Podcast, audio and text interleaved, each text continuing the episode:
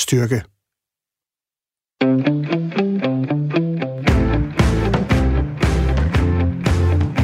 Du lytter til Sportsugen med mig, Claus Elgaard. Og anden time af Sportsugen, her har vi en del emner på programmet. Det er historier fra ugens løb, som vi følger til dørs, finder en anden vinkel på, eller får den seneste udvikling. Håndboldtræneren Kim Rasmussen brugte F-ordet lidt for flittigt på et pressemøde, og nu har han så fået karantæne. Og så er der igen en interessant og kan man sige lidt kuriøs dopingsag, men dengang har Sønderen fået medhold i sin pudsige forklaring. Så er der to danske verdensmestre i boksning, der står til at skulle møde hinanden. Giver det mening, og hvem er egentlig stærkest? Fodboldklubben Brøndby har igen igen, kan man sige, fået tilført over 100 millioner kroner, men er det ren kosmetik? Det er noget af det, vi kigger på her i løbet af den næste time.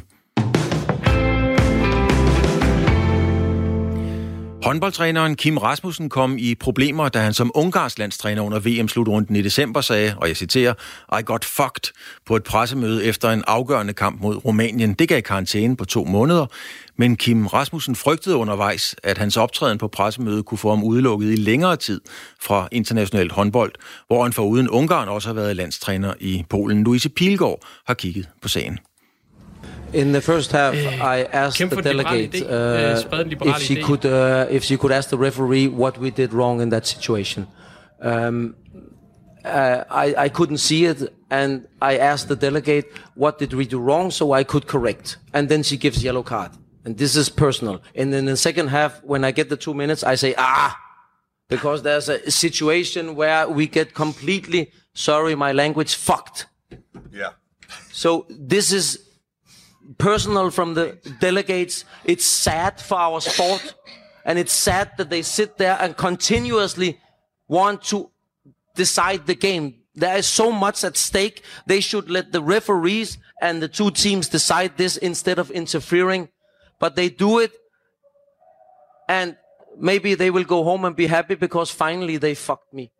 En fremtræden, som det internationale håndboldforbund ikke tolererer, og selv siger Kim Rasmussen sådan her om sin fremtræden. I de 10 sekunder mister jeg besindelsen øh, og fortæller min mening om, hvad jeg synes, hvordan kampen er blevet ledet af de delegerede, og mest af de delegerede, ikke så meget dommerne. Øh, de dømte til deres niveau. Øhm, og øh, der kom jeg til at sige nogle ting, som man måske ikke skulle sige. Jeg var godt klar over, at jeg var gået over stregen selvfølgelig, men jeg troede slet, slet, slet ikke, at, øh, at det kunne få de konsekvenser, som det har gjort. To måneders karantæne med tilbagevirkende kraft og en bøde på 35.000 kroner lød straffen på fra det internationale håndboldforbund. Men karantænen den er altså nu afsonet, og det får altså Kim til at ånde lettet op. Jeg er lidt over det slut. Det tror jeg, det er det, det, det, som der beskriver det bedst. Øhm, hele den her sag har været, øh, jeg synes, det har været, jeg synes, det har været skidt for vores sport. Øh, jeg synes, det har været ærgerligt for vores sport. Øhm, at der er så stor forskel på øh, de samme situationer. Øhm, men jeg er ekstremt lettet over, at, øh, at det nu i hvert fald er slut, og jeg er, jeg er fri til at øh, kunne udføre mit arbejde igen. Altså Kim Rasmussen er fri til at kunne udføre sit arbejde, og nu ser han som endt fremad for efter en nye trænerjob. Og øh, Kim Rasmussen kan godt forestille, og han kan godt se sig selv, stå i spidsen for det danske kvindelandshold. Jeg vil gerne være håndboldtræner, øh, og så er det jo bare om, hvem der, der synes, at jeg kunne være spændende at have i deres setup. Så på nuværende tidspunkt, der, øh, der har været nogle små følere ude, der har været lidt samtaler, men øh, ikke noget konkret. Øh, og jamen, pt. er jeg fri øh, og, og er åben over, som altid, øh, for, for diverse projekter. Og det projekt, det kunne måske blive som dansk landstræner, mener Kim Rasmussen. Jeg er klar på sådan nogle udfordringer, det er der ingen tvivl om, og jeg føler også, at øh, min erfaring øh, igennem øh, 10 år i udlandet og været, været en del af de sidste syv slutrunder, har vundet Champions League, øh, har haft med unge og etablerede spillere at gøre. Jeg synes, mit, mit CV viser, at jeg i hvert fald er i stand til at kunne håndtere et job som det danske landstrænerjob. Så jeg er i hvert fald, jeg er i hvert fald åben, og, jeg, og, det, og det vil være en ære at få det job, det er der ingen tvivl om. Dan Philipsen, du er håndboldredaktør på TV2, og I følger jo om noget medie i Danmark rigtig, rigtig godt med i håndbold. Øh, lige for at runde den første del af det her, er, er Kim Rasmussen er han sluppet billigt? Nej, det synes jeg overhovedet ikke. Han er, jeg synes, han fik en alt, alt for hård medfart i den her sag her. Han, øh, det ligner et eller andet personligt, øh, som vi forstår det. Det vi hører, at øh, præsidenten for det internationale håndboldforbund, Hassan Mustafa, var blevet vred, da han hørte det her, og gik ud over nogle regler, der slet ikke fandtes, og tildelte Kim Rasmussen en straf, øh, som, ikke, som ikke findes i forhold til de, de love, man har i IHF. Så det var et eller andet magtmiddel, der kom øh, aller, aller, aller oppefra fordi han brugte et par bandord. I øvrigt i en sag, hvor 99,9 procent af alle håndboldfolk er fuldstændig enige med ham. Så jeg synes egentlig, nu siger han selv, at han mistede besendelsen. Synes jeg ikke, han gjorde. Jeg synes, han opførte sig rigtig, rigtig pænt. Og så sagde han selvfølgelig nogle, et, par, et par udtryk, som ikke er de pæneste i bogen, men dog almene, øh, al, almene gloser, hvis man er vred over et eller andet. Han var vred. Han havde rigtig god grund til at være vred. Øh, reaktionen efterfølgende fra IHF er, er jo bare et billede på, hvor forfærdelig den, øh, den organisation er ledet rent politisk helt op fra toppen. Øh, og jeg synes også, at han ham hængler dingler i så lang tid, og, og, og, og gør, gør, at manden ikke kan gå ud og finde sig et nyt job som håndboldtræner, og det koster ham jo også jobbet som, som landstræner i Ungarn. Det er, det er fuldstændig sort. Øh, glad for, at han er en lettet mand. Det, det har han også fortjent. Jeg synes, det var forfriskende, at han sagde det, han gjorde. Dan Philipsen, han lagde jo billet ind, øh, Kim Rasmussen, på at blive dansk landstræner. Det vender vi lige tilbage til, om han har kvalif- øh, kvalifikationerne til det, og kompetencen til det. Allerførst, Danmark står og mangler en landstræner til damelandsholdet. Hvor langt er man efterhånden i den proces? Jeg fornemmer, at der i Dansk Kongeforbund bliver arbejdet enormt seriøst og grundigt med det her. Øh, der har været folk til samtaler for, for, for uger tilbage, Øh, man har ikke sindssygt travlt, og så alligevel, fordi øh, landsholdet skal samles sidst i marts. Der var faktisk en samling her i februar, man har valgt at aflyse. Øh, bare en træningssamling uden kampe. Så skal de spille to træningskampe mod Brasilien sidste weekend i marts. Og holdet skal, landstræneren skal selvfølgelig være på plads i fin tid inden da. Øh, jeg tror, jeg tror, vi kigger på en uge eller to, så, øh, så tror jeg, det er på, på rette vej øh, med at finde den rigtige. Men hvis at, det, som jeg hører, og det jeg også håber, de går efter, nemlig Jesper Jensen, der træner Team Esbjerg, det skal gå op i en høj enhed, så er der jo også, han har en kontrakt i Esbjerg i et par sæsoner endnu, så der er nogle ting, der skal gå op i en høj enhed, så det er ikke bare lige at sige ja til hinanden. Så, som jeg fornemmer det, at Jesper Jensen gerne vil DHF, og DHF gerne vil Jesper Jensen, så er det bare ikke helt så enkelt, fordi at han er i et, han er i et andet parforhold endnu. Der er jo flere kandidater, altså Helle Thomsen må jo også på en eller anden måde være en, man nævner i den balje der. Ja, Helle Thomsen bliver nævnt øh, på, på, på grund af hendes, hendes meget, meget store meritter med, med Holland, øh, og også dengang hun havde FC Midtjylland. Jeg tvivler på, at det bliver Helle Thomsen. Øh, jeg tror, det Dansk Havnforbund vil have en, en mere samlende figur, der kan gøre landsholdet til folkets hold, Øh, og der tror jeg mere, man ser på, på, på Jesper Jensen øh, end på Helle Thomsen. Det må jeg sige. Jeg tror, øh, jeg tror ikke, Helle Thomsen er oppe i top 3 i DHF's ønskeliste. Det er ikke det, jeg fornemmer i hvert fald. Øh, det skal du lige forklare, Dan Philipsen. Hvad mener du med en samlende karakter? Der fornemmer jeg lidt, du om ikke diskvalificerer øh, Helle Thomsen, men i hvert fald stiller spørgsmålstegn ved det, eller DHF gør? Jeg har meget, meget stor respekt for, for Helle Thomsen som person og som håndboldtræner og det, hun har bedrevet. Også den person, hun er i det offentlige rum. Men Helle Thomsen har også vist, at øh, hvis hun skal øh, kunne præstere store ting, som for eksempel med FC Midtjylland, så skal hun lukke sig omkring sit hold og lukke holdet omkring hende. Og det er ikke den, det, det, det er fantastisk til en klubtræner. Jeg er ikke sikker på, at det er den rigtige type, øh, Danmark har brug for af landstrænerne lige nu. De skal have brug for en træner, der gør det til folkets hold igen. Det er det ikke længere. Det har ikke været mange år og derfor har man brug for en måske en, øh, en træner, der mere øh, åbner armene og siger, her kommer og kommer og tager mit hold, end en, der lukker sig sammen og siger, nu gør vi det på vores måde, holder ting lidt for os selv, og øh, stiller ikke så meget til os, så meget til rådighed for medier og sådan nogle ting. Øh, det tror jeg, at den stik modsatte taktik er det, DHF vil, fordi DHF vil et åbent landshold og genskabe den popularitet, som kvindelandsholdet havde engang, men som de jo øh, er, er meget langt fra at have på tiden. Ja, nu sagde du, at øh, der måske lå nogle, eller der ligger nogle kampe mod Brasilien. Det får mig selvfølgelig til at tænke på Morten Saubak, som jo lavede et fuldstændig vanvittigt resultat med, med det brasilianske hold. Og Morten Saubak er jo meget folkelig, meget åben. Og har vi i virkeligheden den profil, som du efterlyser der? Er Saubak overhovedet inde i baljen? Fuldstændig enig, og selvfølgelig skal sådan en mand som ham også være inde i baljen, og det er da faktisk meget sjovt det er jo, der, er, der er jo sindssygt mange dygtige danske kvindetrænere i udlandet. Nu lige snakket Kim Rasmussen. Helle Thomsen er fantastisk med Holland. Kim var, var helt fremragende med Polen og senere med Ungarn.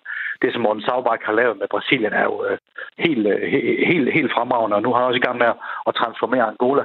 Han er selvfølgelig en spændende mand. Det, der kan tale mod Morten Saubach, det er, at han har været væk fra dansk håndbold i virkelig, virkelig mange år. Og har været meget, meget, meget langt væk. Han bor i Brasilien, og nu træner han Angola. Så han er langt væk fra fra dagligdagen i dansk håndbold. Og det, som dansk håndbold også har brug for, det er, at man får genskabt noget talentarbejde, noget struktur igennem øh, A-landsholdet til ungdomslandsholdet. Det, det, det har været ikke eksisterende i, i mange år. Så, så det bliver DHF også nødt til at se på. Og der vil Klaus, øh, Jesper Jensen, fordi han har været gået hjem i Annedam, selvfølgelig været den oplagte mand. øh, fordi han mm, må formodes at kende samtlige øh, Y- og U-landsholdsspillere i, øh, i det, i det høje regi. Lad os lige runde navnegalleriet af med, det er jo oplagt at spørge om Jan Pytlik. Ja, han har været der et par gange, men han har også vundet to OL-guldmedaljer. Der er jo ikke mange trænere i hele verden, der har vundet noget som helst. Øh, er Jan Pytlik øh, helt fortid, eller, eller kunne han være en overraskelse? Det kommer aldrig til at ske øh, af den simple grund, at Jan Pytlik ikke, ikke ønsker jobbet.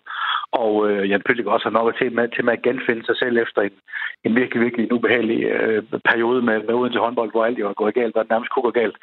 Så ja, så at være landstræner også skulle gøre med det kæmpe store arbejde, det er, fordi det er et kæmpe arbejde. Det er ikke det, er ikke det Jan, Jan Pytlik skal øh, lige nu. Så nej, øh, Pytlik er, er ikke på ingen måde i spil. På ingen måde.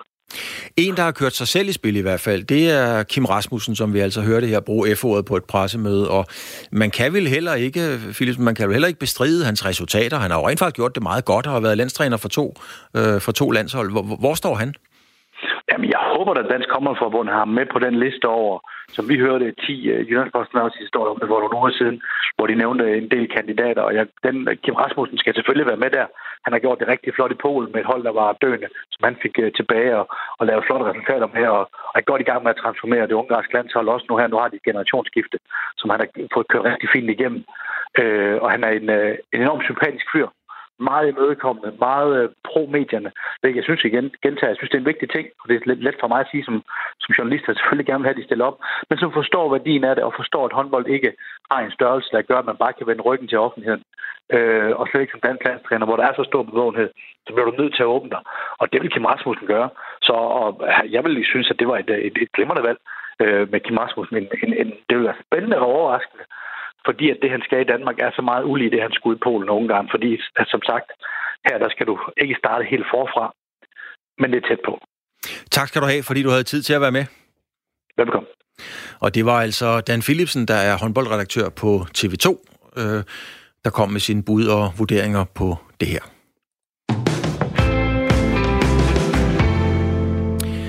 Så skal vi til en helt anden historie. Øh, det handler stadigvæk om håndbold. Det er håndboldklubben Nantes i Frankrig med den danske træner Allan Heine. De er kommet i søgelyset hos den franske spillerforening, efter det er kommet frem, at klubbens læge har foretaget graviditetstest, graviditetstest på spillerne, uden at de har været klar over det. Der er lige nu uenighed mellem spillere og ledelse om, hvorvidt spillerne har kendt til graviditetstesten. Men der er nogle principielle spørgsmål øhm, omkring hele problematikken, og derfor er advokat Daniel Markusen nu med på en øh, telefon. Daniel Markusen har ekspertise i arbejdsret og ansættelsesret og arbejder hos advokatfirmaet DLA Piper. Øh, Daniel, er det overhovedet lovligt at lave en graviditetstest uden øh, et samtykke fra personen? Altså det korte svar er nej, det mener jeg bestemt ikke, øh, det er der er øh, en række grænser for, hvad man sådan, som arbejdsgiver kan, kan gøre uden medarbejderens samtykke, og det gælder altså også i en sportsklub. Øh, det er sådan helt overordnet det, man kalder sådan ledelsesrettens øh, rammer. Når man går ind og foretager en graviditetstest uden en persons viden under en ansættelse, så, og det er sådan set ligegyldigt, om det sker som sportsudøver eller, eller almindelig medarbejder, så er det en kontrolforanstaltning. Og, og en sådan foranstaltning, den skal som klart udgangspunkt både have et fornuftigt formål, øh, og, og personen skal være informeret, øh, inden at man foretager øh, kontrollen. Og til sidst må den simpelthen ikke være, være, øh, være krænkende. Men, men... Øh, Ja, men jeg tænker bare på, hvad er, det, hvad er det for nogle, hvad er det helt præcis, man overskrider? Fordi på mange arbejdspladser, der kan man jo blive narkotestet og alko- alkoholtestet osv. Jamen, jamen bestemt, og det, det er klart, at inden for sportsverdenen kan der være et, øh, et ganske fornuftigt formål med at overvåge sådan, spillernes fysik generelt, og vi kender jo vores dopingtest øh, osv. Men, men her gælder altså også, at, at, øh, at sportsudøveren skal informeres inden øh, om, at det sker. Øhm, og jo særligt i forhold til graviditet, så kunne man jo forestille sig, at den her ekstreme fysiske belastning, som, som mange sportsudøvere udsættes for, også skal have betydning for sådan tilrettelæggelsen af et, af et sundt øh, graviditetsforløb. Men det skal altså kort fortalt ske efter aftale mellem sportsudøveren og, og, øh, og klubben. Og, og hvis man ikke har det her, den her aftale om det, altså det her samtykke, så vil det være i strid med en række grundlæggende rettigheder og, og lovregler. Og, øh, og helt konkret så, så taler vi om, at, at det, det kan være et brud på, på helbredsoplysningsloven, og det kan også være i, i strid med persondataforordningen, at man går ind og indhenter de her helbredsoplysninger, som notorisk er følsomme oplysninger om en person. Øh, håndboldklubber, eller fodboldklubber for den sags skyld, hvor der er kvindelige topatleter, ja, de satser jo rigtig, rigtig mange penge. Det er store beløb. Lad os nu sige, der er en, der er en håndboldklub, der skal spille Champions League, øh, eller satser på det, og så laver de nogle kontrakter, og hvis flere spillerne bliver gravide, eller bare en af dem, så kan man sige, så er holdet jo svækket. Kunne man forestille sig, at man lavede en kontrakt, hvor man fik indføjet, at hvis personen blev øh, gravid, jamen så var kontrakten ophævet? Og der mener jeg simpelthen også klart svar. Øh, det svaret er klart, klart nej. Øh, vi har en, øh, en række lovregler, f.eks. ligebehandlingsloven, der, der, der beskytter mod, mod den slags øh, aftaler. Og det er sådan set ligegyldigt, at man gør brug af bestemmelsen af, øh, eller ej. Øh, man må simpelthen ikke have sådan en bestemmelse i en, en øh, ansættelseskontrakt eller i en sportskontrakt i det hele taget. Men hvad nu, hvis, hvis atleten hun sidder til møde med den her fodboldklub eller håndboldklub, øh, og sportschefen, der har jo lige været en sag ja, for noget tid siden i Danmark, hvor en tidligere landstræner var ude og, og være noget knotten over, at der var nogle spillere, der var blevet gravide. Så det sker jo. Så siger spilleren til, til, til jobsamtalen, jamen det skal I ikke være bange for, vi kan bare indføje det i kontrakten, altså at hun selv opfordrer til at lave en klausul om det. Vil den være juridisk gældende? Nej, det mener jeg sådan set heller ikke, den vil være, fordi en række af de rettigheder, der gælder på det danske arbejdsmarked, altså også for sportsudøvere, de kan ikke fraviges til ugunst for, for, øh, for medarbejderne. Og det gælder altså også i relation til beskyttelsen mod at blive afskedet øh, på grund af graviditet. Altså, når man indgår en ansættelseskontrakt eller en, en sportskontrakt, så vil der næsten altid være tale om et, et skævt magtforhold. Og hvis vi ikke havde den her beskyttelse, så tror jeg, vi ville se en markant stigning af kontrakter med den her type klausuler, fordi mange sportsudøvere vil gå ekstremt langt for at få den her chance. Øh, og i situationen tænker man måske ikke så meget over, at man pludselig står uden job, hvis man, man bliver gravid. Og derfor har vi netop den her grundlæggende beskyttelse i, i Danmark. Så der er i princippet ikke nogen forskel på, om det er en, en håndboldklub, fodboldklub eller en ny radio? Nej, det er det ikke. Det er godt, Daniel Markusen. Tak, fordi du havde tid til at være med. Ja, velkommen.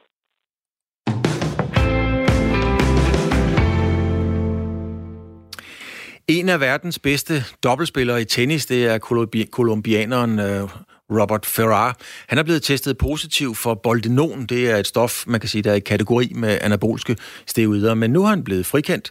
Robert Ferrar har hele tiden hævdet, at stoffet var kommet ind i hans system, fordi han havde spist oksekød. Og det er en undskyldning, der mildt sagt er blevet hørt før, blandt andet fra cykelrytteren Alberto Contador, der i øvrigt blev dømt. Men Robert Ferrar er blevet frikendt, øhm, for det er nemlig sandsynligt, at boldenon rent faktisk er kommet af at spise oksekød. Morten Hostrup er lektor i integrativ øh, fysiologi i Institut for Idræt og Ernæring, Københavns Universitet. Og Morten, du er med på linjen. Øhm, giver det nogen som helst form for mening, at øh, man kan blive testet positiv for at spise øh, kød i Colombia? Det kan det, det, kan det godt. Øhm, og særligt i, i visse dele af Sydamerika og også i, i Asien er der, er der tidligere øh, eksempler på det af, af visse former for kontamineret øh, kød. Så det er ikke det er ikke så usædvanligt igen. Øhm, man plejer altid at, at følge de her ting op med, med lange, længere undersøgelser, øh, hvor man prøver at indsamle materialer og, og, og få forklaringer øh, for at se, øh, om, om det egentlig er forligeligt med kontamineret kød. Du skal lige forklare det der kontamineret kød. Hvad er det, og hvordan bliver det det? Ja, men det er for eksempel, hvis man har nogle kvægeavlere eller, eller nogen, der, der sælger kyllingekød eller et eller andet, så, så i fodret, der kan de så øh, putte øh, anabole stoffer for eksempel for at få kødet til at, eller dyrene til at gro hurtigere og vokse hurtigere, så, så de får større bøffer, og det vil så øge deres, øh, deres kødproduktion, og så kan de tjene nogle flere penge. Øh, og og det, det, det sker altså, eller kan ske i stor øh, stil, særligt i, øh, i Sydamerika. Det, det sker selvfølgelig ikke i Danmark, og heller ikke så meget i EU generelt, fordi der er det, der er det forbudt. Og så er det det så, at for eksempel, at, at det her kvæg, der er blevet fodret med anabol steroider for eksempel, øh, når det så bliver slagtet, så er der jo så en del øh, af det her stof tilbage i, øh, i kroppen, og derfor også i kødet. Og så når vi som mennesker spiser det, jamen så vil det så ryge ud i vores øh, blodbaner, og så vil det så øh, udskilles gennem øh, øh, noget af det gennem nyrerne, og det er så det, der bliver opfanget typisk så i de her øh, urinprøver i dopingkontrol. Men Morten Hostrup, hvor meget skal man spise? Altså er det en almindelig bøf på 250-300 gram, eller skal man spise en, en, en hel ko, sådan billedligt talt? Altså, vi skal tænke på, at der er sket en enorm udvikling inden for, for antidopingområdet. Det vil sige, at noget af det her det skyldes også, at man er blevet vanvittigt god til at detektere øh, forbudte stoffer. Det vil sige, at man er helt nede nu på, på at kunne detektere noget, der svarer til en billiontedel af, af et gram Øh, og det vil sige, for en visse stoffer, så, så hvis øh, kvædet for eksempel er blevet fodret med manabolisteroider, så skal man ikke engang spise særlig meget af det her kød. Det vil være en ganske almindelig bøf. Det kunne endda sågar også være en, være en kyllingesalat i nogle, øh, i nogle tilfælde. Øhm, så, så, så det er ikke så meget, faktisk. Nå, men hvis vi så tænker sådan videre ud af overdrevet, Morten, øh, hvor, hvor, kan man spise så meget øh, kontamineret kød, at det rent faktisk får en effekt lige pludselig? Altså en, en, en anabol effekt eller en doping-effekt? Det kan man jo lave sådan nogle, øh, det der kaldes farmakologiske beregninger på. Øh, det, det er jo sådan lidt sjovt, hvis man, hvis man gør det rent teoretisk. Øh, der er et tilfælde, så vil man måske, er der eksempler på, at man skulle kunne spise det, der svarer til 8 kilo kyllingekød for eksempel, fra, fra noget kyllingeopdræt for eksempel i Mexico. Øhm, og det vil svare til, til normale dopingdoser, som, som bodybuilder vil bruge for for eksempel klenbuterol. Øhm, så, så det kan man godt, og noget af det, det vil vil også kunne opbygges over tid. Så hvis man nu spredte det ud og spiste et, et godt halvanden til to kilo kød om dagen, så kunne det muligvis også øh, akkumulere til en mindre effekt. Men man skal altså spise rigtig, rigtig, rigtig meget kød, øh, for at man vil kunne opnå øh, en potentiel anabol effekt. Øh, øh, noget, der blandt andet gjorde opmærksom på det her, det var vel egentlig et øh, UVM i fodbold? Ja, altså, der er masser af sjove, øh, øh, kuriøse sager. Altså, den ene, det er, det er jo 17 VM i, i, øh, i fodbold for, på, på drengesiden i 2011, hvor der var cirka altså, halvdelen af alle de urinprøver, man, man tog til dopingkontrol, de viste spor af en, øh, en anabol beta-2-agonist, der hedder, der hedder klenbuterol, og det var den samme type øh, øh, stof, som Contador blev dømt for. Men i det her tilfælde, der fordi man kunne se, at det var i 50 procent øh, af prøverne, mange af dem taget for de her drenge, og man kunne spore det tilbage til kvæg for området der i Mexico. Men der er også tilfælde faktisk fra, fra øh, øh kvindefodbold. Øh, øh, jeg tror faktisk også, det var 17 VM, der blev holdt i Tyskland, hvor der var et helt hold, eller stort set et helt hold, der testede positivt for, for nogle metabolitter, altså nogle nedbrydningsafarter øh, øh, øh af, af, af nogle anabole hvor man så kunne, kunne spore det tilbage til noget kosttilskud. De havde taget sådan noget øh, bæl fra en øh, muskushjort, tror jeg, det var i den sag. Og der er også sager for bordtennis i Kina. Altså, der, der, der er masser af de her... Altså, der, det er ikke helt usædvanligt igen, at man har de her øh, sager, hvor man følger det op med undersøgelser, og så finder man ud af, at det, det egentlig er kontamineret kød. Øh, det er så en ting, at man, men kontamineret kosttilskud er, er noget, der faktisk er, er, er endnu større problem end, end kød, faktisk. Hvad er det for nogle øh, udfordringer, det helt præcis giver for, for, for dopingarbejdet sådan i almindelighed?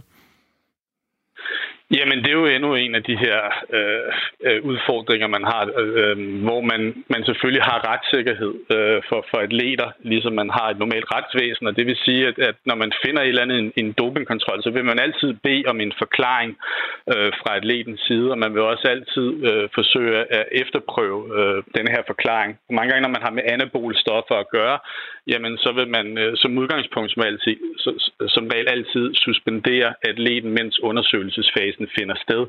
Og, og der vil det for eksempel være, at man vil, vil spørge til, hvilke lande har de opholdt sig, man vil bede om, om, om øh, dagbøger for, for, for selve den kost, de har fået, og hvis de har et eller andet øh, beviser for det, øh, så vil man måske endda følge op med at, at, at slagte kvæg for området og indsamle noget prøvemateriale for at se, om det er forligeligt med, med det der område. Og der så også med de her kosttilskudssager, øh, hvor, hvor atleter siger, at det kommer fra kosttilskud, jamen der vil man bede om kosttilskudproduktet, gerne øh, et, et uåbnet og et, et, et åbnet for, man kan, man kan efterprøve det. Det var blandt andet det, der, øh, som, som vi også kender hjemme fra, fra Martin Toften, den, den danske cykelrytter-sag, hvor øh, han blev testet positiv for et, et stof, man til efterfølgende kunne eftervise kom fra, fra et kosttilskud. Altså, det er jo argentinsk bøfkød, det er jo meget, meget populært, og et eller andet, sådan nogle bøfrestauranter fra Argentina, de hedder som regel El Rancho, eller sådan et eller andet. Skal man egentlig være bekymret? Altså, har man en reel bekymring, hvis man går på argentinske bøfhus, spiser en del kød, øh, kan man så blive knaldet til en serie 4-kamp eller nede i fitnesscenteret? Øhm, altså Argentina har, har generelt øh, bedre kontrol end mange af de andre øh, sydamerikanske øh, lande. Og, og det kød, der importeres eventuelt til, til Danmark derfra, øh, vi har ret god kontrol, øh, fødevarekontrol i, i, i Danmark og, og tager en del stikprøver. Men altså, hvis man er meget, meget, meget uheldig, og der er en eller anden tilfældig opdrætter, der, der har givet dem gas i Argentina, og man tilfældigvis har fået det derfra, og det er gået igennem øh, øh, stikprøvekontrol i Danmark, jamen så kan der være en meget, meget, meget, meget, meget, meget, meget usandsynlig lille risiko for, at, at man øh, øh kunne spore det. Nu vil jeg sige, en serie 4-kamp, det er jo ikke der, hvor man umiddelbart sætter antidopingressourcerne ind. Altså man skal man tester ikke øh, så langt nede øh, i rækkerne. Der, der sporer man så mere ind netop kvæg af, at man, man har et begrænset mængde antal ressourcer, så man tager en vurdering af, hvad er sportsgrenen, hvor højt niveau er det, og, og hvad er risikoen generelt inden for den sportsgren. Men i Danmark er kødkontaminering altså meget, meget usandsynligt scenario. Det er mere kontaminering via, via kosttilskud, der kan være, der kan være en risiko. Lige et, øh, et sidespor, men alligevel, øh, Morten, du nævnte selv øh, klenbuterol. Og hvis jeg ikke husker helt forkert, og så må du altså korrekt mig, det gør du også, men jeg mener, at kan huske Katrin Krabbe, Grit Brøger og Silke Meier, de, de østtyske 100 meter løber, øh, sprinter, de blev taget med glenbuterol, og så vidt jeg husker, at det er et astmapræparat til klovdyr. Kan du ikke lige forklare, hvorfor er det, det er smart at spise det, hvis man gerne vil løbe stærkt? Øhm, jamen, der kan, der, der kan det faktisk have to typer effekter. Det ene er effekten lige her nu, når man tager klemputerol. Øh, det er, at det, det inducerer det, man kalder sådan et adrenalin-rush i kroppen. Øh, og det vil sige, at, at man bliver mere på, og, og musklerne kan egentlig øh, kontrahere sig hurtigere og trække sig hurtigere sammen. Det vil sige, at man kan udvikle mere kraft. Og det er meget vigtigt i, i sportsgren som, som sprint. Men derudover har det også nogle længerevarende effekter, hvis man tager det over længere tid øh, så kan det virke muskelopbyggende. Og det vil sige, øh, man kan man kan opbygge en, en større muskelmasse, øh, større muskelmasse og, og opnå øh, større muskelstyrke. Det er igen noget, der er vigtigt i, øh, i sådan nogle sprintdiscipliner. Så, så det, øh, de kunne godt drage fordel af det. Øh, og det er også derfor, det, det selvfølgelig er forbudt øh, i sport. Og, og, og lige til sidst, altså nu har vi så hørt, at det er i Colombia, og det, der er ligesom, det er ligesom verificeret, der er en gyldig grund til, at man muligvis har fået det indendørs. Men kunne man så ikke som cykelrytter synes, at i Colombia, der er nogle gode bjerge, dem skal vi også træne i. Vi lægger træningslejren i Colombia, og hvis vi så bliver taget for doping, så siger vi bare, at vi har spist en masse bøffer. Altså, igen, altså, det, det, altså ja, hypotetisk set, øh, så kunne det være sådan, men igen, altså, det er jo en enorm risiko, man så vil tage som et led, fordi man kigger meget nøje på de her ting, når man får et analysesvar. Når dopinglaboratoriet, altså antidopinglaboratoriet får et analysesvar, så vil man kigge på, hvor meget øh, er der tilbage af det her, eller hvor meget er der det her stof i urinen. Og så vil man så se på, at det forligeligt med den forklaring, der er. Så det hele det handler om, om øh, analytisk kemi, farmakologi og så øh, forklaringen, at øh, atleterne giver. Og, og hvis man nu vil dope sig med for eksempel klembuterol, så øh, vil man i hvert fald ind til 24 timer efter, at man har taget de her doser, og man så blev taget fra til, til en urinprøve, jamen så vil de koncentrationer, der var i urinen for eksempel, langt overstige det, man ville forvente fra, fra kødkontaminering for eksempel. Og så vil man jo så ikke købe den forklaring.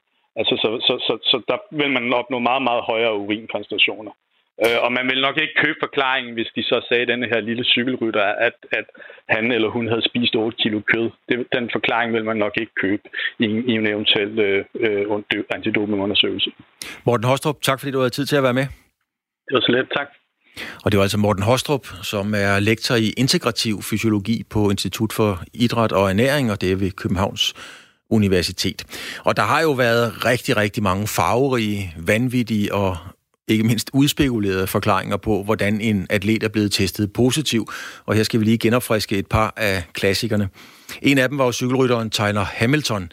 Han havde nogle røde blodlemmer, der helt sikkert ikke var hans egne, og Forklaringen fra Hamilton var, at han i livmoren under sin mors øh, tidligere graviditet måtte have fået blodceller fra en ufødt tvilling. Det var faktisk den officielle forklaring, der kom. Og så var der den tyske OL-guldvinder i 5.000 meter løb, han blev taget for brug af nandrolon, og det er også et anabolsk steroid. Øh, Bagmand forklarede, at øh, han havde mistanke om, at nogen havde sprøjtet det ind i hans tube med tandpasta. 100 meter løberen Dennis Mitchell blev taget for meget, med for meget testosteron. Øh, han forklarede det helt enkelt med, at han havde haft en voldsom masse sex med sin kone hele natten, og så havde han drukket fem bajer, og det var grunden til, at han blev testet. Og så er der også en af de, skal vi sige, øh, mere desperate undskyldninger. Den kom fra Yvonne Kraft, og hun kører mountainbike. Kraft havde for meget fenoterol i blodet, det er astmamedicin. Forklaringen var helt enkel. Hun havde nemlig besøgt sin øh, gamle mor i en campingvogn. Moren havde øh, astma, og pludselig eksploderede morens astmaspray med fenoterol. Og fordi Yvonne Kraft, da det skete, sagde ups, så havde hun på den måde fået blodet ind, eller stoffet ind i blodet. Så der er altså mange farverige og fine forklaringer på, hvordan det kan være sket, men i sidste ende, er ansvaret for, om man er dopet, det er atletens eget ansvar at overholde alle dopingregler. Sådan lyder det fra Antidoping Danmarks juridiske konsulent, det er Jesper Frigast, øh, og dermed skal de også selv kunne dokumentere, hvor stoffet, som for eksempel det stof, tennisspilleren Robert Ferrar fra, Colombia, hvor stoffet kommer fra. Altså man skal kunne forklare, hvor det kommer fra, og det ikke er indtaget med hensigt på at fremme sportspræstation. Det har atleten selv som det helt øh, soleklare udgangspunkt. Og, øh, og det ser man jo også i reglerne derved, at øh, hvis først prøven er erklæret positiv, det vil sige, at laboratoriet har fundet et ulovligt stof, jamen øh, så er der objektivt ansvar, så er der i sig selv en, en øh, overtrædelse af antidopingreglerne. Selve fundet øh, er en overtrædelse af reglerne. Og derefter vil det så være op til atleten, at hvis, hvis vedkommende har en, en god forklaring på, på det her, som kan enten helt fritage ham for skyld, eller måske få øh, medført en nedsat straf, fordi der er formidlede omstændigheder, øh, for eksempel manglende forsæt til doser eller andre forhold, der gør sig gældende, øh, så, øh, jamen, så er det ansvaret for at, at fremlægge de beviser, det er atletens eget. Nu har vi lige hørt om en sag med en tennisspiller, der har fået noget, øh, et forbudt stof ind i kroppen igennem at spise øh, oksekød, og Morten Hostrup har også sagt, at det lyder faktisk øh, meget sandsynligt. Lad os nu teoretisk sige, nu er der nogle sportsfolk, der siger, at vi tager på træningslejr i Colombia, og hvis vi så bliver knaldet for doping, så, så siger vi bare, det er, fordi vi har spist en masse oksekød. Hvad går der så i gang, hvis atleten kommer med sådan et postulat rent juridisk? Hvad sker der så? Ja, altså der er jo nogle stoffer, det er først og fremmest klenbuterol, som man ved øh, rundt omkring i verden bliver brugt som, som vækstfremmer for kvæg, og derfor også i små rester vil kunne findes øh, i en urinprøve, hvis man har spist øh, tilstrækkeligt meget af det her oksekød. Og øh, nu er det en, et nyt stof, nemlig det anabolske stof, øh, boldenone, som man så fandt her i, i Colombia. Man ved i Guatemala og Kina, at de her ting øh, mere almindelige.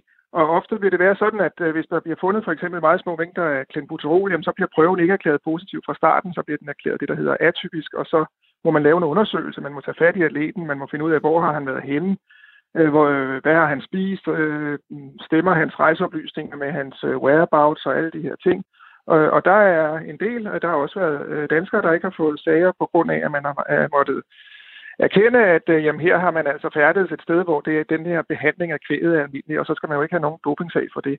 Omvendt, øh, hvis man hvis man får en positiv prøve, og man siger, øh, jamen, det må komme fra det og det, øh, jamen, så er det jo en påstand, der må undersøges. Og, øh, og det er jo derfor, der er ingen dopingsager, der bliver afgjort, uden at øh, der både i, i øh, undersøgelsesfasen, men også i, i høringsfasen foregår en grundig efterprøvning af de øh, påstande eller de forklaringer, som, som udøveren kan komme med. Og der er det ingen tvivl om, at jo bedre man kan dokumentere sine påstande som udøver, jo større er chancen for at slippe billigt eller slippe helt, som der var tale om i denne her tennissag. Der er jo fra tid til anden, eller fra tid til anden, dukker der nye medicamenter og kombinationer af ting og sager op. Hvis er ansvaret, altså kan en fodboldspiller eller en håndboldspiller sige, jamen det vidste jeg ikke, det var blevet forbudt, det var det ikke i sidste måned. Er det klubben, der skal gøre opmærksom, Er det er individet selv, der skal følge udviklingen, eller hvem har ansvaret der? Altså naturligvis har øh, øh antidopingmyndighederne et stort ansvar for at orientere om, når der sker ændringer. Det er ikke de store ændringer, der sker hvert år. Samtidig sker der slet ikke nogen, og samtidig er det mindre justeringer. Det bliver meldt ud, og så er det øh, videre ud igennem idrætsforbundene øh, øh, selvfølgelig en opgave at få forklaret øh, udøverne, hvis der er noget, de skal være påpasselige med. Og, øh, men i den sidste ende, så er øh, dopingreglerne jo øh, idrætsregler, nøjagtigt ligesom reglerne for, hvad der foregår på banen, og hvordan konkurrencerne er skruet sammen osv., som det er alle deltagers øh, forpligtelse at sætte sig ind i. Øh, vi kan så gøre en masse for fra antidopingorganisationernes side at øh, lave undervisningsmaterialer og, og øh, hjælpe med til, at, at udøverne får kendskab til de her ting. Men i den sidste ende, så er det jo udøverens eget ansvar at vide, hvad det er for nogle regler, han øh, konkurrerer under. Og, øh, øh, og det afspejler sig jo så også i, at der er det her øh, objektive ansvar i det tilfælde, at man bliver testet positiv. Og det var altså Jesper Frigast, og Jesper Frigast er juridisk konsulent i Antidoping Danmark. Så skal det handle om øh, fodboldklubben Brøndby, fordi Brøndby hentede i denne her uge 129 millioner kroner på en aktieemission. Men mere end 90 millioner kroner var en gæld, som klubber Jan Bæk Andersen og bestyrelsesmedlem Torben Bjørn Christensen havde til gode i klubben, og som nu er blevet vekslet, vekslet til aktieposter, altså i Brøndby. Så hvordan skal vi egentlig tolke på Brøndbys aktieemission? Og det kan sportsøkonom fra Deloitte, Jesper Jørgensen, gøre os meget klogere på. Er Brøndby blevet cirka 120 millioner kroner rigere? Uh, ja, så kunne det jo godt se ud på papiret. Uh, man, man kan jo uh, sige, at uh, i forvejen så skyldte man jo uh, de to store aktionærer 93 millioner kroner. Uh, så nu har man fået den gæld uh, konverteret til uh, aktiekapital. Så hvis man kigger på, hvad der er kommet i penge i kassen, uh, så er det vel uh, en, en, en små 40 millioner kroner, uh, som de har i kassen til at og investere i fremtiden, og det, det øh, underskud, der er forventet her i øh, 2020. Hvad kan vi lære af, af, af det her beløb osv.? Er det, er det spil for galleriet? Er det ren kosmetik? Eller er det penge, man kan gå ud og købe spillere for? Øh, jeg vil, altså, de 40 millioner, øh, man skal, de har jo selv meldt ud, de har kommet ud med et underskud, som jeg lige husker, det er størrelse over 20-30 millioner kroner. Hvor meget af det, som øh, er, er, er penge, de skal op i lommen, og hvor meget der øh, afskrivninger, det, det melder historien ikke rigtig noget om. Så, så at, altså, udover det skal betale underskud på 20, øh, så er der skal der jo til synes, skal der jo bruges nogle penge til investering i tribuner, og, og så er der til køb af spillere, men øh, lige bare rækker de penge ikke til at købe ret mange spillere. Men klubben skylder jo, det er en kendt sag, øh, Jan Bæk en hulens masse penge. Øhm, men de penge er vel nogen, kun nogen, der skal ud af lommen, hvis Jan Bæk gør krav på dem, og det har han jo sådan set ikke gjort. Så nu er det lige pludselig afskrevet, så hvordan skal man forstå hele det der spil? For mig er det i hvert fald lidt svært at overskue. Ja, men det kan jeg godt forstå. Jamen, øh, det jeg kan sige, det er, sådan, det er egentlig meget normalt, man ser det også i, i øh, erhvervskoncerner, at øh, hvor et, øh, nu for at tage et sammenligning i hovedaktionær, eller et moderselskab har et, et, ejer et selskab, hvor man har, øh, øh, hvor, hvor selskabet skylder nogle penge til hovedaktionæren, at på, øh, at på et eller andet tidspunkt, så øh, kommer man op med sig selv, om man øh, skal fjerne lånet ved at konvertere det dybest set, som, som Jan Bæk har gjort, til aktiekapital. Øh, fordi det i sidste ende er det, bortset fra en renteberegning, er det lige så langt som det er bredt. Og det er jo ikke noget, der giver øh, selskaber i det her tilfælde Brøndby øh, flere penge i kassen. Det, det øh, giver Jan Bæk selvfølgelig flere aktier, og det er jo sådan set fair nok. Han har også finansieret gildet. Er det noget, der gør klubben mere solid, øh, som man vist kalder det, i de kredse? Ja, altså fordi for så vidt angår de 40 millioner, ja. Øh, det andet er, er, er øh, mere sådan, i, når det kommer ned til virkelighedens er øh, mere en kosmetisk transaktion. Hvad med Brøndbys brand, når der kommer de her emissioner, tilførsler osv. rigtig, rigtig mange gange? Er det noget, der, der riser Brøndbys jo indiskutabelt meget flotte brand? Nej, til tiden ikke. Altså, øh, man må sige, at øh, øh hvad hedder det, øh, fanbasen er intakt, og og øh, fansene må sige, hvis vi tager de sidste 10 år, har vi stået øh, model til meget gennem årene af, af, af, af, af, af flere nedture, både på det sportslige og på det på øh, planer, og sådan også på det økonomiske. Så, så hvad hedder det, øh, det virker intakt, og, og, og det virker, ser jo også sådan ud, at, det stadigvæk er den klub, øh, der tager flest øh, øh tv-serier. Så, så, øh, og, og de har jo de senere, øh, de sidste år, øh, stille og roligt øget deres øh, øh kommersielle indtægter, primært selvfølgelig fra sponsorer. Så øh, brandet er intakt, øh, men det, der kan selvfølgelig altid, i hvert fald især på det kommersielle område, øh, øh, bliver der nok set mere på, øh, kan man sige, hvordan ledelsen agerer og, og troværdigheden af ledelse. Det er jo i hvert fald ekstremt vigtigt øh, på, på det kommersielle område, og, og, men det virker som, også, og som, som det er intakt. Der er jo blevet tilført rigtig mange penge i forskellige omgange og på forskellige måder. Hvis du prøver at forklare mig det sådan ligesom et husholdningsbudget, fordi hver gang der kommer ja. flere penge, så går der ikke ret lang tid, så er der stadigvæk en ny gæld. Så hvor er det, det halter? Ja, men øh, jeg tror, altså det, det, der, det der er jo fandest øh, dyrt, undskyld udtryk, i, i professionel fodbold, det er at bygge op. Og hvis vi lige slår, øh, øh skruer tiden tilbage til 2013, hvor, hvor Brøndby var, øh, kan man sige, jo ikke ret langt fra en konkurs, og igennem øh, de 5-10 år, der gik der fra mesterskabet i, i, i var det 2005 og frem til 2013, øh, stille og roligt blev slidt ned. Øh, og der mener jeg slidt ned både ledelsesmæssigt, kommercielt og på det sportslige plan. Øh, jamen, øh, det skulle se at bygges op igen. Øh, og øh, med de ambitioner, som en klub som Brøndby skal have, med den historik, Brøndby har, øh, det er bare det er hulens dyrt. Øh, fordi der skal øh, udvikles spillere, der skal købe spillere, Øh, og øh, det koster i fodboldens verden, det koster bare en hulens masse penge øh, at komme tilbage på det niveau, som, som Brøndby øh, øh, skal, øh, skal være på. Øh, så så øh, Øhm, og, og man kan sige, i modsætning til sådan en, en almindelig virksomhed, der køber, måske bygger en fabrik og så producerer et eller andet, her der er det nogle fodboldspillere, man skal ud og købe øh, på en kontrakt, der måske løber tre år. Det ryger stort set lige ud af kassen øh, med det samme. Så, så det er bare øh, meget, meget kostbart at bygge op. Og så er det selvfølgelig øh, øh, meget afhængigt af nogle sportslige resultater. Nogle gange så går det den rigtige vej, nogle gange går det den forkerte vej. Øh, og når det går den forkerte vej, så koster det også øh, penge på, kan man sige, øh, Øh, på kontoen for at bygge øh, op til den ambition, man gerne har. Man var i Brøndby.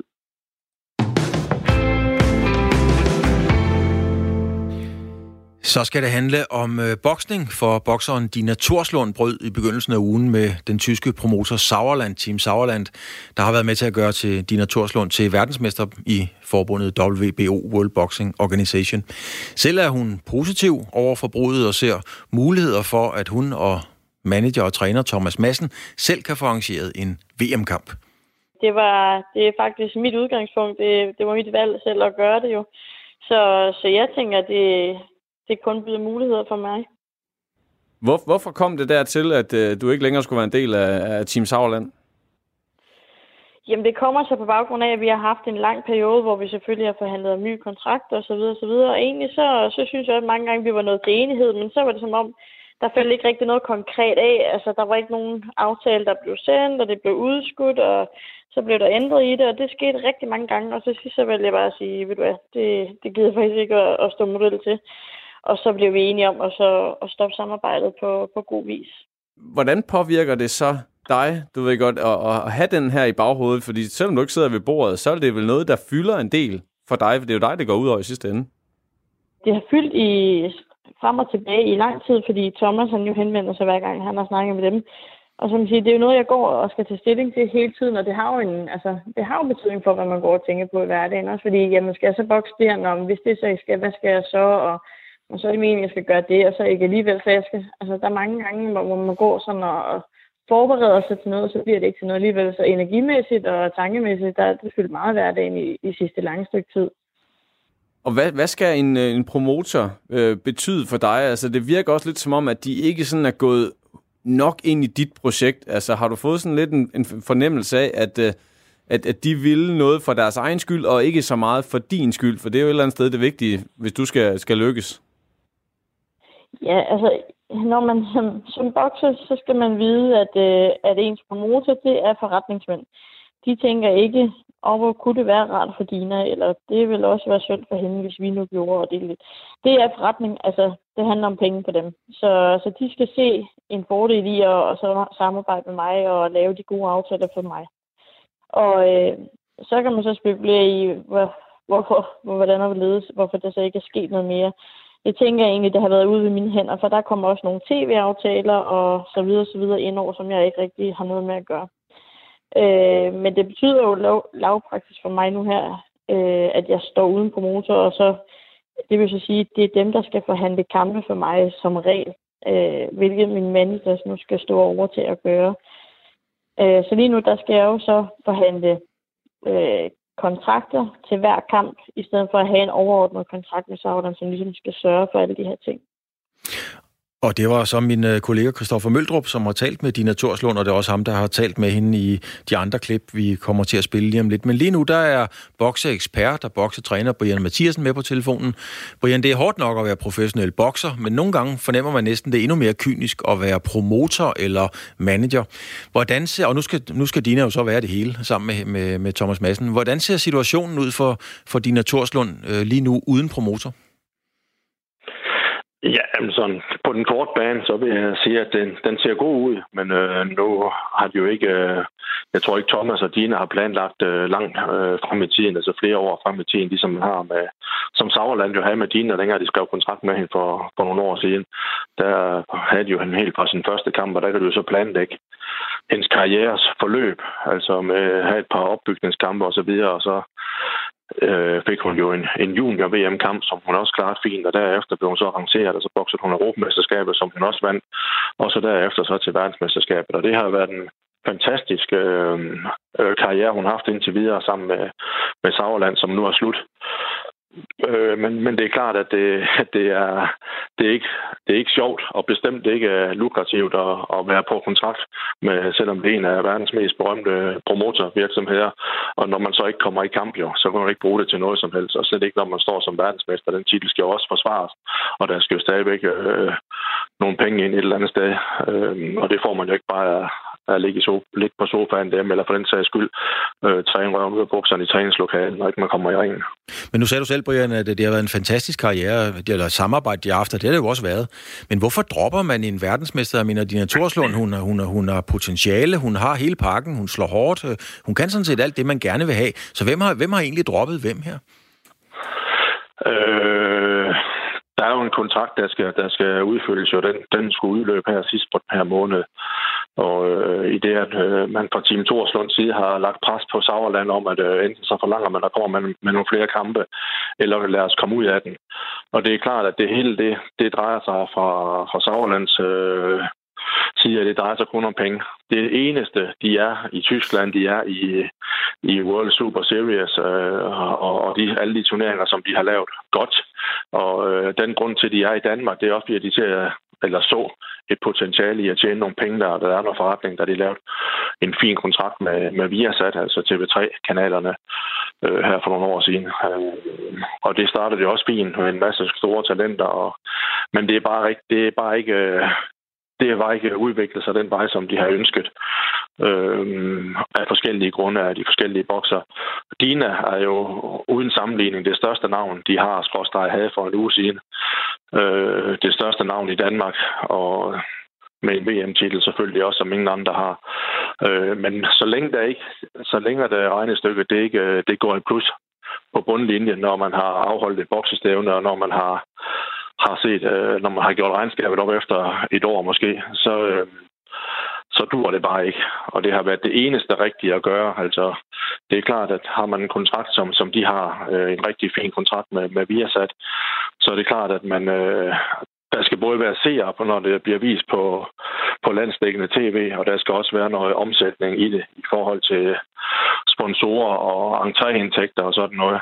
Og når, når det ikke øh, går i den retning, som man forventer, så er der ikke andet at gøre end at, end at komme ud herfra. Prøv en gang at, øh, at lytte med her, Brian, for vi skal lige høre Dina igen. Øh, Dina Torslund har siden oktober forberedt sig på en kamp, der skulle komme her i slutningen ja. af februar, men den kamp er jo så aldrig blevet til noget, og det har betydet mm. en lang og intens træningsperiode uden kulmination. Det er selvfølgelig super ærgerligt. Jeg har heldigvis ikke peaked i topform, fordi jeg har, jeg, altså, så længe der ikke er noget 100% jeg skal forholde mig til i forhold til noget kamp, så går jeg ikke øh, 100% ind i det. Men jeg har ligget i en usandsynlig god grundform og, og været godt på vej mod min, øh, min topform. Øh, men nemlig på grund af den her usikkerhed, så har vi ikke toppet. Men det er da super træls, at jeg har gået og brugt. Jamen, jeg har jo faktisk trænet siden oktober, har jeg været i gang igen, og så er der ikke faldet noget af alligevel. Øh, men, men det har jeg prøvet så mange gange før, at det tager jeg sådan lidt, øh, det tager, jeg tager lidt let på det den her gang, fordi jeg nemlig synes, at jeg er kommet godt ud af det i forhold til, at jamen, så har vi haft et brud med Sauerland, men har så nogle andre muligheder. Så det er ikke fordi, jeg tænker, at det har været negativt. Altså, det, det er okay. Og hvordan fungerer det så? Nu der jo, ja, plus minus et par dage, jo tre måneder til, vi så går ud fra den her kamp, den, øh, den bliver til noget i, i maj. Hvad gør du så nu? Skal du lige have 14 dage på sofaen, inden du starter igen, eller kører man videre? Og hvad kan kroppen holde til? Ej, jeg tager faktisk lige øh, 14 dage, hvor jeg har skruet lidt ned for blusset. Jeg stopper, jeg ligger ikke kun på sofaen, men øh, øh, jeg, jeg holder lidt igen med træning, øh, primært bare for ikke at køre død i det i den anden ende. Øh, så jeg holder grundformen lidt ved lige med det træning, jeg nu har lyst til, men ikke noget, der er for surt. Så om det bliver tre gange, jeg træner på en uge, eller om det bliver fem gange, det ved jeg ikke. Det er alt efter, hvad der lige er tid og mulighed for.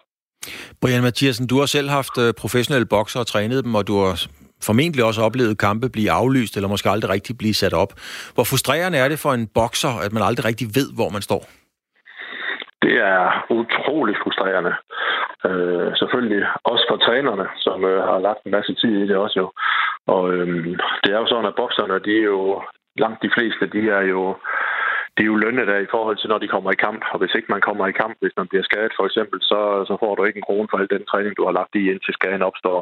Så det er jo totalt frustrerende, både mentalt, men også øh, økonomisk på, på pengepunkten selvfølgelig. Øh, jeg har selv trænet, som du selv siger, mange bokser, som ikke er kommet i kamp efter træning. Jeg har haft blandt andet Reda Samsam, som jeg har trænet op til, var det 8 eller 9 kampe, hvor han havde problemer med at få sin øh, licens øh, til at bokse øh, på grund af mange mystiske ting. Og øh, det var meget frustrerende at stå dagen før og være kampklar til kamp, og så øh, blive aflyst på, på dagen nærmest. Så øh, det forstår jeg godt, Dina har været meget frustreret, men som hun siger, så har hun talt lidt på det, fordi at hun ligesom kunne fornemme, at det lå i luften. Også øh, i forhold til Thomas har briefet ham omkring forhandlingerne med Sauerland og negative ting og sådan ting. Ikke? Så, så ligger det jo også ligesom i luften, at øh, forventningerne kan godt dæmpes lidt, fordi at der er en, en dårlig atmosfære i, på kontoret, så det kunne godt være, at man skulle være med at tage det alt for seriøst, fordi hun vidste, at der har ligget enten øh, nogle problemer, eller måske endda et brud øh, i, i udsigt. Øh, da, da kampen ikke kom der øh, her til februar, som den skulle have bokset, det tror jeg, de har vidst i et stykke tid, at den ikke blev til noget. Og, øh, og dermed også, at der ligger en masse grums, som så nu er renset ud, og nu har vinduerne blevet åbent, og nu er blevet luftet ud og hun er fri af kontrakten, og nu kan hun kun se fremad efter, hvad der nu skal ske. Nu skal det i hvert fald ikke ske det, at hun skal være i tvivl om, om hun har købt eller solgt. Nu er hun jo ude af kontrakten, der skal videre derfra, og det må også være dejligt for hende. Det tror jeg også, hun selv synes. Ja, så Brian, hæng, hæng på igen, fordi det der med at komme videre, altså brudet med Team Sauerland kan åbne op for et rent dansk opgør mellem den nykårede verdensmester, det er Sarah Mafo, og så netop Dina Torslund. Tidligere har mm. Mogens Palle, den hedderkronede promotor, der er promotor for Sarah Mafo, ikke kunne blive enig med Team Sauerland. Det er der ikke noget nyt i. Men altså, nu kan man sige, nu er tyskerne ude af ligningen, og lad os lige høre, hvordan Dina Torslund øh, ser på det. Kunne det på nogen måde være interessant for dig, at nu bliver den der i hvert fald sådan, om ikke andet, lidt nemmere i godsøjen at arrangere? Det, det gør den desværre ikke lige det næste års tid. Øh, men jo, jeg håber da på, at det, at det kan blive en mulighed. Fordi selvfølgelig, jeg, jeg tror, at vi begge to har interesse i det, men primært har det jo nemlig været Sauerland og Mogens, der stod i vejen for det, fordi de ikke har kunne blive enige. Øh, så på den måde, så, så håber jeg på, at det kan blive sådan noget, men det næste års tid, så tror jeg ikke, det er en mulighed. Men på et eller andet tidspunkt, altså det er helt unik, at vi har to af verdens øh, bedste bokser på samme tid. Altså man, man føler næsten, at det skal ske på et eller andet tidspunkt. Er det også sådan, du har det med det? Ja, det føler jeg, at man skylder alle boksefans hjemme. Altså dem, der følger lidt med, de der helt klart interesseret i det. Så er der så også mange, der siger, hvorfor skulle man møde hinanden? Og det, det er da dumt, fordi så... Altså det der med, at at jeg ved ikke, om det skulle være sådan, men hvis der var en, hvis, hvis interessen ville falde for den bokser, der nu tabte, jeg ved ikke, om det er sådan, nogen tænker, men der er nogen, der er sådan, hvorfor skal de dog møde hinanden? Lad dem nu køre deres karriere hver for sig. Og sådan. Hvor har det bare sådan, jamen alle vil jo gerne se den kamp, hvorfor ikke lade den blive til noget? Plus, så håber jeg da, at Sara har det lidt på samme måde som mig. Øh, man vil jo gerne være den bedste, og nu har vi jo nemlig to topbokser herhjemme, som lader os da slå fast, hvem er den bedste dansker herhjemme? Altså, der er der jeg synes i hvert fald, det er et internt opgør der. Også fordi jeg er foran, kan man sige. Jeg vandt jo sammen amatør, og øh, så synes jeg, hun skal have lov til at prøve at revancere den som professionel. Brian Mathiasen, det vil jo være en øh, lækkerbisken for alle os, der godt kan lide boksning. Øh, men en kamp med de to, altså med Fore og Torslund, giver det overhovedet mening? Ja, det gør det da. Men øh, nu er hun jo selv inde på noget med, at den bliver ikke til noget i år, så det må vi så gå ud fra, at det er noget, hun ved noget om. Øh, og jeg vil helst heller ikke se den endnu. Jeg vil da gerne se øh, Sara bokse og øh, forsvare sin titel. Måske er hun da heldig at komme på udebane og tjene flere penge, end, øh, end der er i, øh, i sporten her hjemme for hende. Så det kunne da være rigtig fint. Sara er en god bokser, sympatisk person, en sød pige. Og øh, så lad os se, om ikke de kan... Hvis det så er først om et år, så er det fint nok, vi venter på den. Øh, så længe de begge to gør det godt indtil da, så kan vi sagtens vente. Øh, men ellers så, det er også i to forskellige vægtklasser. Der er mange, mange der, siger, der, der spørger mig, hvorfor forener de ikke deres titler? Så siger jeg, det, det kan man altså ikke, når det er to forskellige vægtklasser. Man kan ikke både bokse i, i Super Bantam og i fjerdevægt i samme kamp. Der er to forskellige vægtklasser. Så øh, enten så er det Sara titel, man bokser om i fjerdevægt, eller også så er det Dinas titel. Så skal Sara tage sig lidt, og så komme med til Dina og mødes i Super Bantam vægt. Men øh, jeg synes ikke, at man skal snakke så meget om den kamp endnu. Lad os nu øh, få Dina i gang med den nye konstellation, og, øh, og lad hende forsvare sin titel. Øh, jeg har hørt lidt om i krogen, at hun skal forsvare sin, sin VM-titel der i næste gang, hun skal bokse i maj. Det har der i hvert fald været på tale, har jeg læst det sted. Og øh, lad os se, hvordan det går, og hvem hun skal møde, ikke mindst. Og, øh, og så lad, lad Sara få lov til at hvile lidt på hendes succes, som hun havde jo her jeg tror, det var den 1. februar, hun boksede sin VM-kamp der i København og vandt den der interim men Brian, øh, selvom du siger, at vi ikke skal snakke så meget om den kamp, der kan jeg så godt lige sige, at der er vi ikke helt enige. Fordi hvem af de to står stærkest, hvis vi tager dem øh, lige nu? Jeg tror simpelthen, vi, øh, jeg tror, vi mistede øh, Brian Mathiasen. Jeg tror simpelthen, Brian Mathiasen, at du... Øh, er du med os? Eller jeg synes, jeg kunne høre, at, øh, at linjen den øh, røg derude. Men det, øh, ja, Brian Mathiasen er væk fra os. Tak skal du have alligevel, Brian, fordi du havde øh, tid til at være med. Jeg ved, Brian går ude i sit uh, træningscenter lige nu, og selvfølgelig følger rigtig godt med i, hvad der sker mellem uh, Dina Torslund og, og Sara Mafur. Selvfølgelig kommer, i, i gåsøjne selvfølgelig kommer den kamp mellem de to danske øh, verdensmestre. Og hvem der er stærkest, ja, det er jo en øh, klassisk boksekamp mellem øh, den rå styrke og den finpolerede øh, teknik. Vi er så småt ved at være færdige med den øh, anden time af sportsugen. Det har været en øh, lidt blandet, men hyggelig landhandel, synes jeg. Vi har været igennem Brøndby, boksning og bøffer, og så har der også været øh, et F-ord fra håndboldtræneren Kim Rasmussen, og så har vi mindst også været igennem øh, graviditet, og i den første time, der snakkede vi altså om øh, Formel 1. Og den gode nyhed er, at det hele starter forfra allerede, når vi går fra. Vi er tilbage igen om en uge. Nu er der nyheder,